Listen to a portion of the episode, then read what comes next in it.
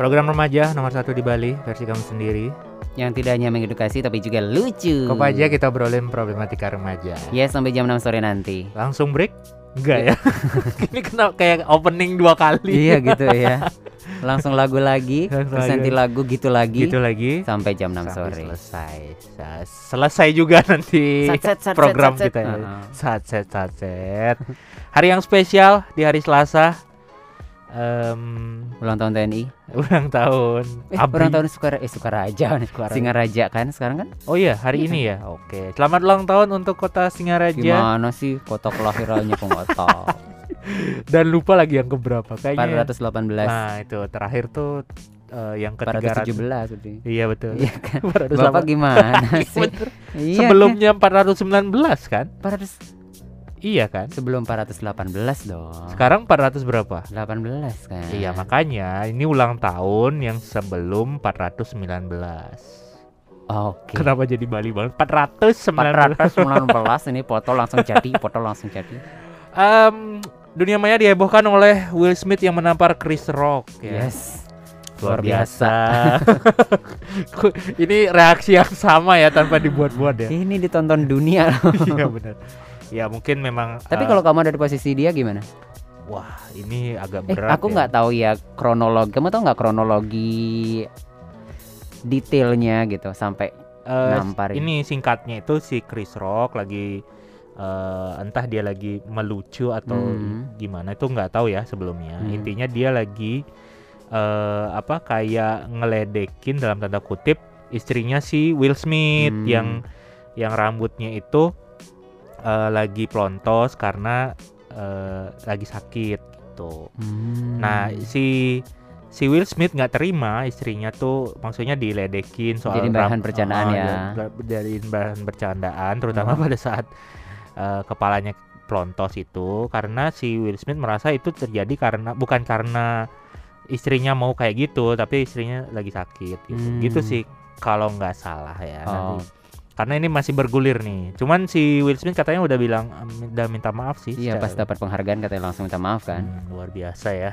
Huh. Sungguh menghebohkan jagat internasional. naik panggung gujuk-gujuk-gujuk kapluk. Kapur ditabok si Chris Rock. Tapi memang sih kalau kita bercanda itu harus ini juga ya. Iya, Maksudnya yang dibercandain mana yang Nah, ini jadi eh positioningnya agak susah sih sebenarnya ya, Hmm. karena ada satu pihak yang eh, mengatakan ya itu na- itu itulah jokes gitu Hmm. ya. Eh, maksudnya eh, kita harus berdamai dengan apa jokes gitu. Apalagi yang sekarang tuh lagi lagi naik tentang dark jokes gitu ya. Nah, tapi di sisi lain juga eh, ada yang bilang kalau eh, kayak yang kamu bilang itu put kalau bercanda itu ya mungkin lihat situasi Hmm. karena nggak semua orang bisa menerima bercandaan kita Hmm. terutama yang backgroundnya itu mungkin nggak sama dengan kita Hmm. gitu ya kecuali kita satu frekuensi atau memang teman akrab kayak gitu Hmm. nah itulah jadi kalau ditanya siapa yang benar saya tidak tahu saya ini cari aman jadi dua kubu ya di benar. sosial media ya ya. selalu selalu ada gitu ada pros dan cons ya Oke.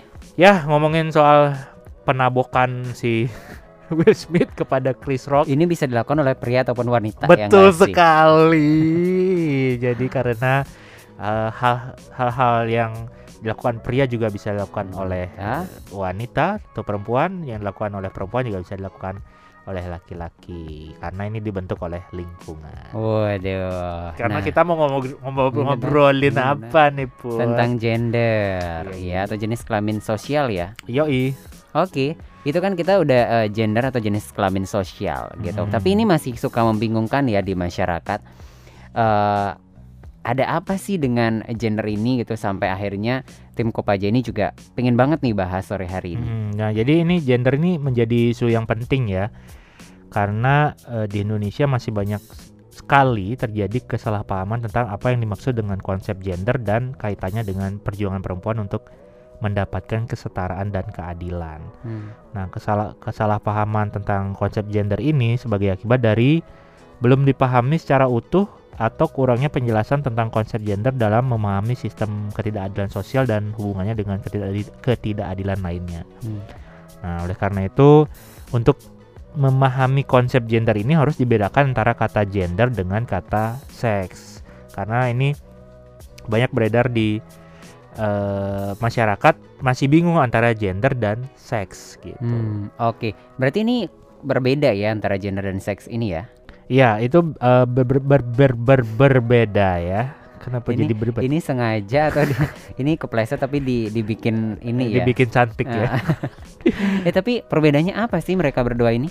Nah, kalau gender dan seks itu punya perbedaan arti put. Kalau Hmm. menurut Badan Kesehatan Dunia, perbedaan gender dan seks ini atau jenis kelamin adalah perbedaan biologis dan fisiologis yang dapat membedakan laki-laki dan perempuan. Kalau gender lebih menitik beratkan pada konstruksi atau bentukan sosial yang ditanamkan oleh masyarakat seperti perannya, perilakunya, kegiatannya dan atribut yang suat- suatu masyarakat tertentu dianggap tepat untuk laki-laki dan perempuan. Laki-laki dan perempuan adalah kategori jenis kelamin, sementara maskulin dan feminim adalah kategori eh, dari gender gitu. Jadi Hmm. sederhananya itu kalau seks, seks itu adalah jenis kelamin yang ditentukan secara biologis, yang secara fisik melekat pada masing-masing jenis kelamin laki-laki dan perempuan yang dibawa sejak lahir gitu ya. Dari jadi seks itu dibawa sejak lahir. Sedangkan kalau gender Gender itu jenis kelamin sosial atau perbedaan antara laki-laki dan perempuan dalam peran fungsi, eh, haknya dan tanggung jawabnya, serta perilaku yang dibentuk oleh lingkungan sosial. Gender dapat berubah menurut waktu serta kondisi setempat gitu. Berbeda dengan seks ya yang Hmm. dia bisa berubah kalau misalnya dilakukan operasi gitu misalnya. Hmm. Jadi tidak tidak karena dan tidak bisa berubah secara apa ya sewaktu-waktu itu nggak bisa gitu. Hmm. Tiba-tiba hari ini perempuan, besok laki-laki gitu nggak bisa nggak ya. bisa. Oke, berarti itu perbedaan seks dan juga gender. Mungkin nanti kita akan eh, bahas lagi ya di sesi selanjutnya ini eh, perbedaan konsep jenis kelamin dan Hmm. eh, gender ini karena mungkin masih banyak juga di masyarakat ini masih salah pengertian gitu ya Iya. antara gender dan seks ini.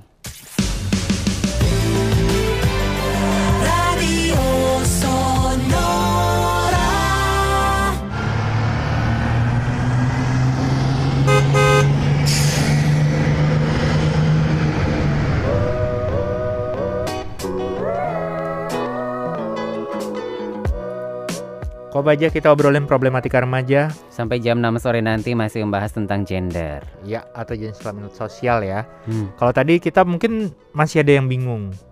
Mungkin bingung, ya. Bingung aku memikirnya. Ted. eh, kok Ted itu kan lagunya si Gigi. Nah, iya. Perdamaian kan. Aku taunya perdamaian versi Gigi ya. Kalau versinya aduh lupa lagi yang punya lagunya Emang aku nyanyiin itu lagu siapa? Bingung, oh, bingung aku dangdut. perdamaian, Perdamaian. Oh gitu ya. Mm, nanti itu pas pas ini kan udah mau puasaan nih. Hmm. Nah, nanti tuh lagu-lagu itu akan muncul Oh lagi. itu religi ya. Yoi. Oh iya kan mulai puasa ya. Eh, boleh lanjut nggak saya. Ini kok jadi rumpi ya. Kenapa jadi ngomongin? Gibah jadinya kan. Perbedaan konsep jenis kelamin dan gender. Mungkin tadi seperti yang udah bilang Ha-ha. masih bingung ya gitu membedakan antara gender dan juga seks ataupun jenis kelamin ini. Iya, walaupun tadi udah disederhanain banget ya. Hmm. Nah, tapi kita eh, secara spesifik nih perbedaan seks dan gender itu. Nah, Hmm. satu-satu. Mulai dari seks. Seks itu peran reproduksi kesehatan berlaku sepanjang masa. Nah, kalau gender itu peran sosial bergantung pada waktu dan keadaan. Kemudian seks itu peran reproduksi kesehatan ditentukan oleh Tuhan atau kodrati. Kalau gender peran sosial bukan kodrat Tuhan tapi buatan manusia. Kemudian eh, seks itu menyangkut perbedaan organ biologis laki-laki dan perempuan khususnya pada bagian-bagian alat reproduksi. Hmm. Sebagai konsekuensi dari fungsi alat-alat reproduksi, maka perempuan mempunyai fungsi reproduksi seperti menstruasi, hamil, melahirkan, dan menyusui. Sedangkan laki-laki mempunyai fungsi untuk membuahi. Nah, kalau gender, kalau eh eh, kalau tadi seks kan perbedaan secara biologis ya. Hmm. Kalau gender itu menyangkut perbedaan secara peran. Jadi tidak hanya peran tapi juga fungsi dan juga tanggung jawab laki-laki dan perempuan sebagai hasil kesepakatan atau hasil bentukan dari masyarakat. Sebagai konsekuensi dari hasil kesepakatan masyarakat, maka pembagian peran laki-laki adalah mencari nafkah dan bekerja di sektor publik, sedangkan peran perempuan di sektor domestik dan bertanggung jawab masalah rumah tangga. Nah, Hmm. itu kan bentukan masyarakat. Masyarakat, ya. Heeh. karena itu bukan serta merta ke kemauan kita gitu. Hmm. Jadi masyarakatlah yang membentuk seperti itu. Nah, kalau seks itu peran reproduksi tidak dapat berubah. Sekali menjadi perempuan dan mempunyai rahim, maka selamanya akan menjadi perempuan. Sebaliknya sekali menjadi laki-laki mempunyai penis, maka selamanya menjadi laki-laki gitu. Hmm. Nah, ini secara kodrat ya. Ini Iya. kita belum ngomongin kalau misalnya dia operasi gitu Itu beda cerita ya. beda cerita. Nah, kalau misalnya perempuan pun, kalau misalnya eh perempuan, laki-laki pun, kalau misalnya dia eh, operasi kelamin menjadi perempuan, eh, dia belum, dia tidak sepenuhnya bisa menjadi eh, perempuan kar- u- eh, secara kodrat gitu. Misalnya kalau perempuan itu kan dia mempunyai rahim dan mengandung melahirkan gitu. Nah, kalau operasi kelamin secara jenis kelaminnya mungkin bisa berubah, tapi secara uh, biologisnya belum bisa. uh, tapi aku nggak tahu apakah sudah ada oper- uh, operasi rahim ya. Hmm. Kalau misalnya ada mungkin bisa terjadi juga, Hmm. tapi kalau misalnya belum bisa ya berarti dia belum bisa Sutuhnya jadi perempuan. bukan seutuhnya ya, dia tidak bisa menjadi perempuan secara biologis gitu loh. Oh, iya iya iya iya. iya. Nah, kalau gender itu uh, peran sosialnya dapat berubah. Kalau kalau seks tadi kan tidak dapat berubah ya. Hmm. Kalau gender bisa berubah. Jadi misalnya peran istri sebagai ibu rumah tangga dapat berubah menjadi pekerja atau pencari nafkah. Di samping menjadi istri juga. Bisa juga per- apa laki-laki yang eh, apa menjadi bapak rumah tangga gitu, Hmm. yang perem- eh, yang perempuan mencari nafkah. Hmm. Kemudian yang terakhir kalau seks itu peran reproduksi tidak dapat dipertukarkan, tidak mungkin peran laki-laki melahirkan dan perempuan menghasilkan sel sperma untuk membuahi. Sedangkan kalau gender peran sosialnya dapat dipertukarkan. Jadi Hmm. untuk sa- saat-saat tertentu bisa saja suami dalam keadaan eh, tidak bekerja, tidak eh, sehingga tinggal di rumah mengurus rumah tangga, sementara istri bertukar peran untuk bekerja mencari nafkah bahkan sampai ke luar negeri menjadi tenaga kerja wanita. Nah, itu kan banyak tuh. Oke, jadi mungkin eh, kayak contohnya eh, biasanya kan di masyarakat terbentuk bahwa wanita ini kalau dalam rumah tangga itu masak gitu ya, Mm-mm, mencuci Nah, nyuci. Tapi bisa juga kan itu dilakukan oleh laki-laki gitu. itu gender namanya. Iya, itu peran gender namanya. Oh, Itulah eh, yang dibentuk oleh lingkungan sekitar dan masyarakat dan bisa dipertukarkan gitu. hmm, besoknya istri tiba-tiba nyuci gitu ya. Eh, besoknya bapak tiba-tiba nyuci atau tiba-tiba masak. gitu. Hmm. Bukan tiba-tiba sih, misalnya misalnya Jadi be- kesepakatan gitu ya. Iya terjadi kesepakatan. Misalnya besoknya si ibu harus rapat gitu atau Hmm. ibu dapat pekerjaan gitu.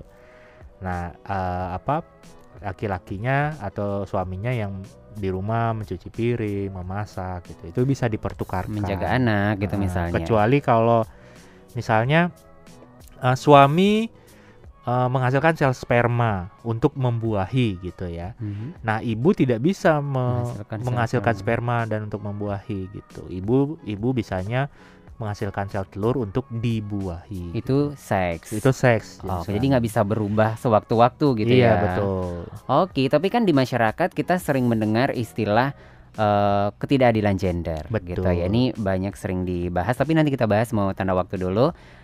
Apa sih yang dimaksud dengan ketidakadilan gender ini sahabat Sonora? Kita juga mau eh, ngundang sahabat Sonora untuk ikutan ngobrol ya. Iya, betul. Jadi silakan komen aja eh, apa kegiatan atau pekerjaan perempuan yang bisa juga dilakukan oleh laki-laki. 98,9 FM Sonora Bali FM Inspirasi keluarga Bali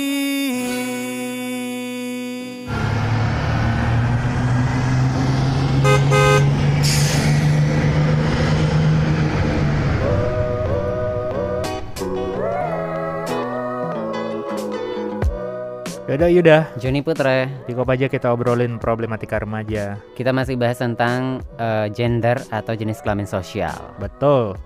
Nah, tadi kan eh, kita udah bahas ya perbedaan antara seks dan juga gender, Gender. ini secara detail. Contohnya juga kita juga sering mendengar di masyarakat eh, tentang ketidakadilan gender. Betul. Apa sih sebenarnya ketidakadilan gender ini? Nah, kalau ini kan sebenarnya kondisi tidak adil akibat dari sistem dan struktur sosial eh, di mana baik perempuan atau laki-laki itu menjadi korban dari sistem tersebut. Nah, ketidakadilan gender ini terjadi karena adanya keyakinan dan pembenaran yang ditanamkan sepanjang zaman dalam berbagai bentuk yang bukan hanya menimpa perempuan aja, tapi juga dialami oleh laki-laki. Nah, meskipun kenyataan ketidakadilan gender ini eh, dalam berbagai kehidupan ini lebih banyak dialami oleh perempuan, namun hal itu berdampak juga kepada laki-laki. Berarti tidak menutup kemungkinan juga laki-laki tidak mendapatkan keadilan gender itu bisa terjadi bisa gitu ya? terjadi jadi namanya juga ketidakadilan gender ya Hmm. jadi baik itu gender laki-laki atau perempuan ya dia em, bisa juga mengalami ketidakadilan gitu Oke. Nah, bentuk-bentuk dari ketidakadilan gender ini eh, seperti apa aja sih? nah ini yang lebih spesifik ya mungkin Yes. tadi agak agak awam gitu nah ini ada beberapa istilah tentang eh, ketidakadilan gender ya misalnya yang pertama itu marginalisasi atau peming- peminggiran nah ini apabila pihak perempuan terpinggirkan atau tidak dilibatkan dalam pengambilan keputusan atau tidak mendapat informasi. Nah, ini kan sering terjadi kan. Padahal eh, laki-laki atau perempuan ya sama saja punya hak eh, untuk memberikan keputusan gitu. Misalnya dalam sebuah diskusi keluarga gitu ya? Betul, tidak hanya keluarga tapi di Pekerjaan Oh. gitu. Nah, makanya eh, makanya sekarang itu walaupun belum belum se- belum sepenuhnya ya. Sekarang itu di anggota dewan itu tuh ada harus ada Hmm. eh, keterlibatan perempuan. Makanya Hmm. banyak sekarang ada anggota dewan dari perempuan. Hmm. Terus bentuk yang lainnya? Kemudian yang kedua ada subordinasi atau penomor duaan. Nah, ini keyakinan bahwa salah satu jenis kelamin dianggap lebih penting atau lebih utama dibanding jenis kelamin lainnya. Nah, bergantung pada laki-laki, pekerjaan yang berbeda dengan laki-laki lebih didahulukannya laki-laki dalam segala hal gitu. Jadi ini lebih ke banyak ini lebih ke no- penomorduaan kepada perempuan gitu. Hmm. Misalnya kayak eh, ada pekerjaan eh, laki-laki dulu gitu Hmm. atau pokoknya semua yang eh, didahulukannya itu laki-laki Oh. dibanding perempuan. Terus? Kemudian ada stereotype, ini sering banget disebut di berbagai eh, platform. Stereotip ini pelabelan ya atau penandaan yang sering kali bersifat negatif secara umum, selalu melahirkan ketidakadilan pada salah satu jenis kelamin tertentu. Nah, ini contohnya perempuan tidak dapat mendapat eh, tidak tidak mendapat kesempatan untuk mengeksplorasi diri karena dianggap harus bekerja di rumah. Nah, misalnya kamu kan perempuan, nggak usahlah sekolah tinggi-tinggi. Nah, itu kan Itu yang- juga di rumah gitu ya? ya mending di rumah aja kayak gitu nah Oh. itu yang terjadi stereotype gitu kalau laki-laki tuh boleh Sampai Oh. S10, ya sampai S S10 lah gitu S10 Pro Max. S10 Pro Max nah kalau perempuan nggak nggak usah lah gitu nah itu stereotype ya Hmm. kemudian yang keempat itu adalah kekerasan atau violence ini eh, ya sudah pasti ya suatu serangan fisik maupun non fisik yang dialami perempuan ataupun laki-laki sehingga yang mengalami akan merasa tersakiti nah ini Hmm. Eh, tidak hanya perempuan, laki-laki juga semak, eh, makin apa ya, makin speak up ya kalau pernah mengalami kekerasan. Misalnya kayak yang ada di eh, KPI itu kan masih Oh. bergulir ya. Gimana Walau- tuh kasusnya tuh? Eh, ya kabarnya sih korbannya ditekan oleh para pelaku gitu. Oh. Mungkin nanti bisa dicek lagi ya. Mm-mm. Kemudian yang kelima adalah beban ganda atau double burden. Ini bentuk diskriminasi dan ketidakadilan gender di mana beberapa beban kegiatan diemban oleh banyak oleh lebih banyak oleh salah satu jenis kelamin. Misalnya. Misalnya perempuan dia sudah harus eh, memasak, mencuci, Nyapu. nyapu di rumah, tapi dia juga harus bekerja di Hmm. luar gitu. Jadi bebannya ganda. Di, eh, apa mencari nafkah juga, mengurus rumah tangga juga gitu. Nah, itu salah satu contohnya. Mungkin banyak lagi contoh beban ganda lainnya. Oke, nanti kita bahas gimana sih cara mengatasi ketidakadilan gender ini.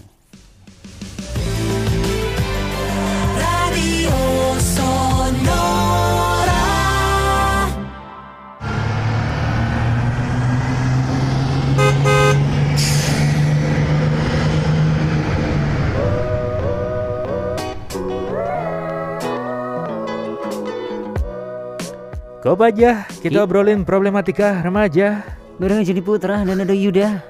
sampai jam 6 sore. besok. Enggak juga. sampai jam 6 sore besok. Doer doer nih. Lanjut ya. kita tadi ngomongin ketidakadilan gender ya kan Put. Yes, terus bentuk-bentuknya juga sudah ternyata banyak juga ya bentuk dari ketidak ketidakadilan gender. Dan itu memang terjadi kan. Hmm. Nah, gimana sih caranya untuk mengatasi tidak ketidakadilan gender ini biar kayak aku nih tetap mendapat keadilan gender gitu. Nah sebenarnya gender ini nggak akan jadi masalah kalau yang pertama aturan di dalam rum- rumah itu didiskusikan ataupun dibagi tanpa ada rasa lebih kuat dan lebih lemah gitu. Jadi diskusi kalau setara tuh kayak apa gitu ya. Kemudian yang kedua perempuan memiliki peluang ikut berpartisipasi di luar rumah untuk mengembangkan diri gitu. Kalau ini terjadi tentu tidak akan terjadi ketidakadilan gender. Kemudian yang ketiga masyarakat mendorong lelaki untuk bisa saling berbagi pekerjaan rumah tangga. Kemudian yang keempat, wanita tidak terlihat lebih rendah atau tinggi. Dan yang kelima, saling menghormati antara perempuan dan laki-laki. Nah, kalau itu bisa dilakukan, eh, ketidakadilan gender itu bisa diminimalisir gitu. Hmm, jadi itu ya. Jadi mungkin eh, di lingkungan keluarga terutama dulu gitu ya tentang eh, membentuk yang namanya kesetaraan gender ya. Iya, kesetaraan gender. Kita baskom dulu, Put. Sip. Baca semua komen. Siapa tuh? dari oh tadi kan kita sempat tanya ya eh, apa aktivitas atau pekerjaan perempuan yang bisa juga dilakukan oleh laki-laki. aku aku aku. aku aku tuh abang sih. Aku, aku. Oh kamu mau jawab? Ya gitu kan. Oh, iya, iya. Ini dari IA RI oh sorry Ia Riana 666. Hah? Kalau dia jawabnya penata rias.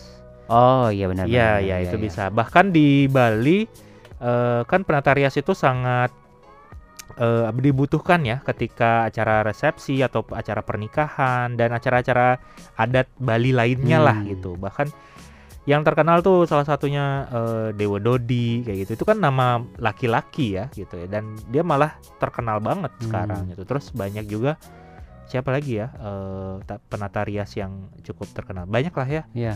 Bahkan aku nggak tahu namanya Aku karena juga. karena aku jarang berias Tapi ini memang eh, kalau di Bali emang udah kita lihat banyak ya, terutama laki-laki ya. Hmm, yang terkenal terkenal itu malah yang eh, namanya laki-laki gitu. Hmm. Memang timnya ada perempuan juga gitu. Tapi eh, apa kliennya berharap yang yang punya ini yang Hmm. merias gitu ya. Terus siapa tuh? Terus dari eh Ed Vania ya Poin iya. iya lah namanya dia gitu. Selamat siang kak. Sore. eh terus apa nih? Pekerjaan yang bisa dilakukan oleh laki-laki adalah masak. Oh iya benar. Sekarang banyak chef yang Masak. Gitu itu sih. beda, itu oh, beda, be- itu beda beda beda, beda konteks beda ya. konteks. Masak. Masak. Masak, Masak. masak. Aduh. Iya, masak ya. Bahkan Caca Handika pun dia menyanyikan itu ya. Masak, Masak sendiri. Itu Handika yang Iya, nyanyi. Nyuci baju sendiri, berarti cowok bisa nyuci juga. Bisa masak juga. Heeh. Cuman kan- itu kan dalam konteks dia lagi patah hati ya. nah, itu. Kalau menurut kamu apa lagi Put pekerjaan atau aktivitas perempuan yang bisa dilakukan oleh laki-laki? Kalau di Bali itu buat canang atau membanten. Oh iya, sembahyang Iya, eh, sehari-hari itu Iya, ya buat canang juga karena sekarang banyak juga kan yang jualan canang atau banten itu cowok. Iya, Gitu. laki-laki. Pinter banget lagi. Kalau istilah Bali itu metanding gitu ya. iya. Ya aku ada yang ikutin dari mana siapa sih nama lupa aku ya. Hmm, di TikTok pokoknya. Itu dia Hmm. kayak buat sampian, Oh, terus iya. dia juga bisa nari. Aku pun bisa pun membuat apa? Apa? Canang sehari-hari walaupun tidak sebagus yang dijual ya. Hmm. mungkin penataannya apa? Ah, Kembang rambenya, Hmm. terus eh, pacahnya mungkin tidak se- seestetik seestetik gitu itu ya. tapi tapi eh, cukuplah untuk aku di sehari-hari di Hmm. rumah gitu. Kalau kamu menurut kamu apa? Pekerjaan? Kalau pekerjaan perempuan yang bisa dilakukan oleh laki-laki itu em, yang stand kalau masak nyuci itu standar ya, apalagi ya. em, eh, aku sampai bingung ya. Yuk kita akhiri dulu. Ya yang pasti itu masak ya. Masak aku bisa masak, Masak air. mie, mie instan. Ya masak mie, masak telur, eh, goreng telur, goreng tempe, masak nasi. Aku bisa masak nasi dengan ngecuk. Eh, enggak, bukan bukan dengan ngejuk, dengan eh, kita menakar pakai ujung jari. Nah, Oh gini ya, Yoi. dimasukin gitu Gini ya. tuh gimana coba? Ini kan bukan visual ya. Jadi ada wadah, Ah, terus telunjuknya dimasukin ke wadahnya, betul. terus airnya seberapa, setinggi telunjuk berapa, Hmm. terus dikasih beras seberapa gitu kan? Iya, ya seperti itu. Aku tidak bisa menjelaskan secara verbal ya. Pokoknya ibu, eh, para ibu-ibu pasti tahu itu gitu. Terus apa lagi ya? Ya Hmm. membersihkan rumah itu Iya, bisa. Kamu membersihkan rumah juga nggak? saya nggak punya rumah kebetulan, Kamu ini Punyanya ya eh, nomaden ya. hotel soalnya. Wow, hotel, Jadi udah ada karyawan. hotel Prodeo. Aduh, jadi memang banyak sih pekerjaan yang eh, pekerjaan laki-laki bisa dikerjakan oleh perempuan atau pekerjaan satu perempuan. ya satu yang pekerjaan eh, laki-laki bisa dilakukan oleh perempuan. Hmm, Apa ya? apa ya? Kalau aku tuh ini eh, mekanik. Oh iya iya benar-benar. Kalau karena aku pernah lihat tuh ada anak STM yang jurusan otomotif itu perempuan Hmm. gitu. Dulu aku mikirnya emang bisa, ternyata bisa dan kata teman-temannya dia oke kok kayak ininya apa pekerjaannya Hmm. gitu. Terus juga driver Iya iya. iya. goput. Nah, Oh, itu iya. atau Ojek online ya ya, banyak ojek cewek online sekarang ya itu banyak perempuan. Oke, jadi memang benar sebenarnya banyak sebenarnya pekerjaan pekerjaan laki-laki bisa dikerjain perempuan atau pekerjaan perempuan dikerjakan sama laki-laki. Nah, itulah yang namanya gender. Yes, karena udah jam 6 sore, kita udah dulu. Ketidaksempurnaan hanyalah milik kami berdua karena sempurna hanyalah milik Andra and the Backbone. Selamat sore dan sampai jumpa. Radio Sonora.